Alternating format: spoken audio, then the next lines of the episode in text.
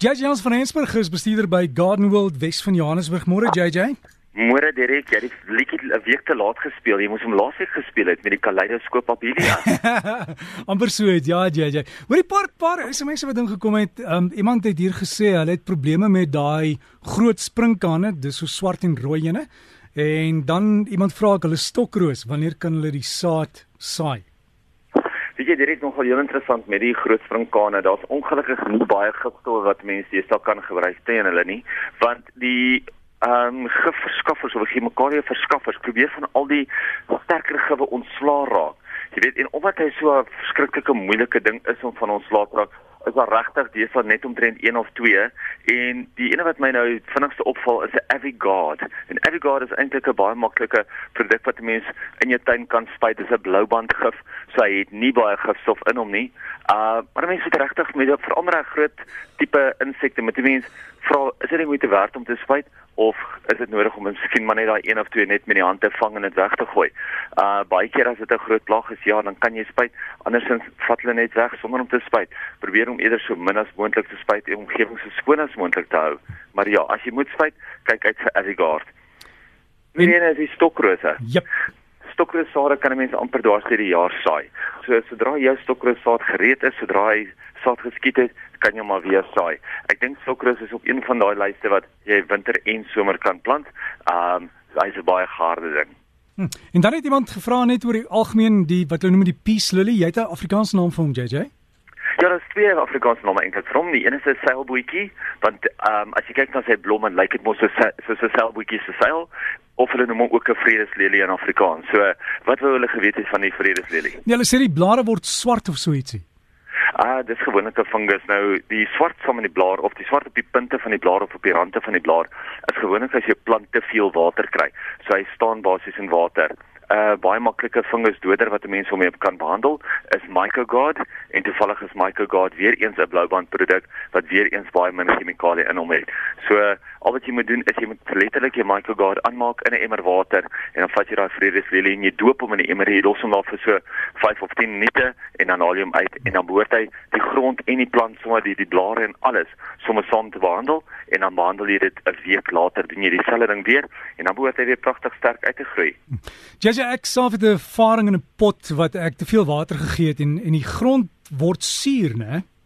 Die grond word suur, hy kry bottersuur. Jy's 100% reg. En daai bottersuur is eintlik wat dan die ehm um, die plant aanval want hy vrot nie weg nie, maar hy word suur. En ons wil hê die kompos moet vrot in die in die in die in in die potte en in die beddings en dan sodra hy te veel water kry en hy word suur, dan is dit eintlik um, nadelig vir die plante want hy maak eintlik die plante dood. So gewoonlik ook met ervaring sal jy sien as jy hom te veel water gee, dan word hy sommer so 'n bleekgroen kleur. Hmm. Hy's nie daai pragtige donkergroen nie. Dan weet jy, hoor jy, is nou tyd om bietjie minder water te gee en bietjie ietsie te gee met 'n hoë stikstofinhoud wat weer die blare mooi groen maak. Jy sê ek sien jy het jou lysie daarby en dan jy het ook vir ons weer 'n plant van die week, né? Daar's hy definitief ja nee. Dirk Februarie is die maand van liefde, Valentynsmaand. Dit gee mense eintlik die geleentheid om iets spesiaals vir iemand te doen. Al is dit iemand spesiaals in jou lewe, dit hoef nie altyd net jou Valentyn te wees nie. Vir die van julle wat graag 'n plant wil gee, hierdie tyd van die jaar kyk Valentyns is mos rooi. So hierdie tyd van die jaar kyk ons na pragtige rooi rose. Ons kyk selfs na die gepotte rose wat mooi blomme vir jou gee, jou bloedrooi malvas of jou rooi inca lelies. Nou, so gepraat van inca lelies, mense kry nie op die oomblik baie inca lelies op die mark nie. Hoekom nie? Dit is net te warm, veral in die glashuise waar hulle gekweek word. Ek praat gister met een van die kweekers, toe sê hulle die kook in die glashuis het gebars want hy het oor die 50 grade warm geword in Brits omgewing binne in die glashuis. So jy kan net dink hoe die arme plante daar binne in swaar moes kry, maar hulle sê die een groot geluk aan hulle kant is die feit dat hulle nog steeds baie reën kry sodat dit dan dan vinnig weer afgekoel. Maar jy's om vir enigiets die rooi te kyk. En ek sê altyd as jy nie 'n rooi plant in die hande kan kry nie, maar jy weet jou jou Valentyn of die persoon vir, vir van wie jy hou, vir wie jy ietsie doen, hou van 'n ander kleur, sit 'n pragtige rooi lint in, dan hou jy dan by die tema van die maand. Baie keer soek mense spesifieke plante wat in hulle tuine oor of in oor see of in tydskrifte gesien word wat 'n mooi unieke blaar het. Jy weet, en mense kry dit net nie altyd nie. Wanneer jy dit soek, is dit nie altyd beskikbaar nie. Ek dink nou vir um aan jou heilige Japaneese bamboes, die Nandina variëteite. Ek kyk byvoorbeeld na vetplante. Baie van jou vetplante gee pragtige kleur, sterk kleure en baie alwyne se blare verkleur ook. Nou baie keer is dit is is die blaartjie ingeteel dat hy wel gaan verander, maar baie keer is dit net die kondisies of die omgewing wat dit doen. Dit kan voeding wees, dit kan die son wees en baie keer is dit ook net die koue. So veral nou met die koue wat gaan deurkom, gaan ons baie meer van daai kleur sien. Opslagbome kom deesdae oral op, veral in die Nyasa gebied waar al die brande was. Kry mens al hierdie opslag onkruide wat eintlik die hele tyd opkom en ek dink nou veral aan daai Port Jackson um acacias wat eintlik mos so groot indringer is. Nou as jy opslagbome het, baie van ons sit met black wattle op ons um op ons persele, ons sit met privet, ons sit met daai wilde robinia. Daar's so baie. Nou as die bome klein genoeg is, kan jy hulle eenvoudig net uithaal of uittrek en dit behoort die ding te doen. Maar as jy um as die bome groter is en hulle is 'n probleem, kan jy hulle afsaag en kan jy gate inboor en jy kan 'n boomdoder in daai gate ingooi of baie keer wat die ouens doen, so vat sommer die byl of die saag en hulle sny sommer net 'n paar gleuwe op die plant self. Nou gewoonlik gebruik mense 'n boomdoder, 'n goeie een om te gebruik is strykklon, maar onthou, as jy die boom self behandel en jy behandel net daai stam van die boom en jy laat nie die die die, die produk oral oor die boom en op die grond val nie, dan behoort jy nie die grond om hom te kontamineer nie. Jy behoort nie die grond om hom te vergiftig nie en net daai boom self. Dis hoekom ek daarvan hou om 'n gat of so bo binne in die boom se stam dan te boor en dan so van hom ontslaat raak, dan hoef jy hom nie heeltemal uit te grou nie. Februarie is ook die laaste maand wat ons gewoonlik ons warm seisoen grasse plant in 'n kitsgras. Nou praat ek van jou elm, jou uh kikuyu en jou skaapplaas. Tensy jy mens baie water het en jy hom later in die uh vroeë herfs of of miskien selfs tot in die middel van herfs nog steeds kan plant, kan jy dit ook doen. Maar hierdie tyd van die jaar met die hitte ontwikkel die wortels lekker vinnig en dit is dis hoekom as jy mens al warm seisoen grasse nou plant, kan hy wortels vinnig ontwikkel en gaan dit baie makliker wees om hom te laat vestig.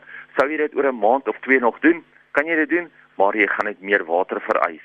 Ons beweeg ook nou na die einde van die somer toe en as vir, vir alles ons nou kyk na ons somerplante, die saailinge en die groente. So as jy nou nog groente wil plant en jy bly in 'n area wat baie vinnig koud word, sal ek jou aanraai om nie nou enigstens te plant nie. Wag jy 'n maand of so voordat jy begin met jou wintergewasse want op hierdie stadium gaan jy net jou geld mors. Jy sal ook daarop let dat meeste kwekery se saad raak en nou weer vinnig verander omdat dit nou die tyd raak om wintersaad te saai. So as jy gereeld jou saad gaan aankoop en jy wil jou wintersaad aankoop, gaan kyk by jou kwekery op die oomblik, jou wintersaad behoort nou daar te wees. Mense wat of daarvan hou om hulle eie wintersaadlinge te kweek, het nou klaar begin om dit in saai kussies te saai. Nou maak seker as jy dit wel doen, jy gebruik vars saad wat nie al klaar ver, ver, ver, verval het nie, wat net klaar oud geword het nie en moet dit nie te diep saai nie. Ek dink die grootste grootste fout wat mense maak is om saad te begrawe. Onthou die goue reël is om dieselfde hoeveelheid grond bo op die saadjie te hê as wat die saad dik is. Dan moet jy ook seker maak dat die grond dreineer baie goed en dat jy baie gereeld met 'n fyn nat sproei met 'n fyn sproei dit benat sodat jy nie die saad alles wegspoel nie. Dan saadjies moet elke dag water kry. Maar as die grond nie baie goed dreineer nie, moet jy maar versigtig wees dat jy hulle ook nie oorbenat nie want dan kry jy baie vinnig fungus siektes. Dit die laaste een vir die week is die plant van die week jy behoort hom eintlik al by jou te hê. Ek ek het hom gekry. Ek het hom gekry. Hy's klaar op die breakfast Facebook bladsy met die foto. O, oh, pragtig man. Dit is natuurlik 'n kerks Evercolor Everrillo. Nou baie mense sukkel om grasse in die skaduwee gekweek te kry. Jy weet, veral as dit so semi-skaduwee area is waar hy nog steeds sy kleur gaan hou. Nou hier is een van daai pypvariëteite wat wel sy kleur hou. Hy's so lemmetjie geel kleur, so en hy groei so plus minus kniehoogte omtrent so 'n halwe meter hoog by omtrent 'n halwe meter wyd as hy regtig op sy mooiste groei. Maar dit is een van daai plante wat vir jou regtig gaan uitstaan bo die ander plante. Vir alles mense kyk dan skaduwee areas of hy semi-skaduwee areas. Is dit baie keer net 'n paar kleurplante en meeste van die plante wat wat in daai skaduwee areas groei, is 'n groen, is gewoonlik 'n donkergroen. So kan jy dink as jy hierdie lemmetjie groen gras tussen die ander plante het, hy sal sommer daai bedding vir jou heeltemal ophelder. So gaan kyk uit, gaan vra by jou naaste kwekery. Dis ook een van die nuwe variëteite wat nou uit is, 'n Kerix Evercolor Everrillo pragtige plant vir enige tuin.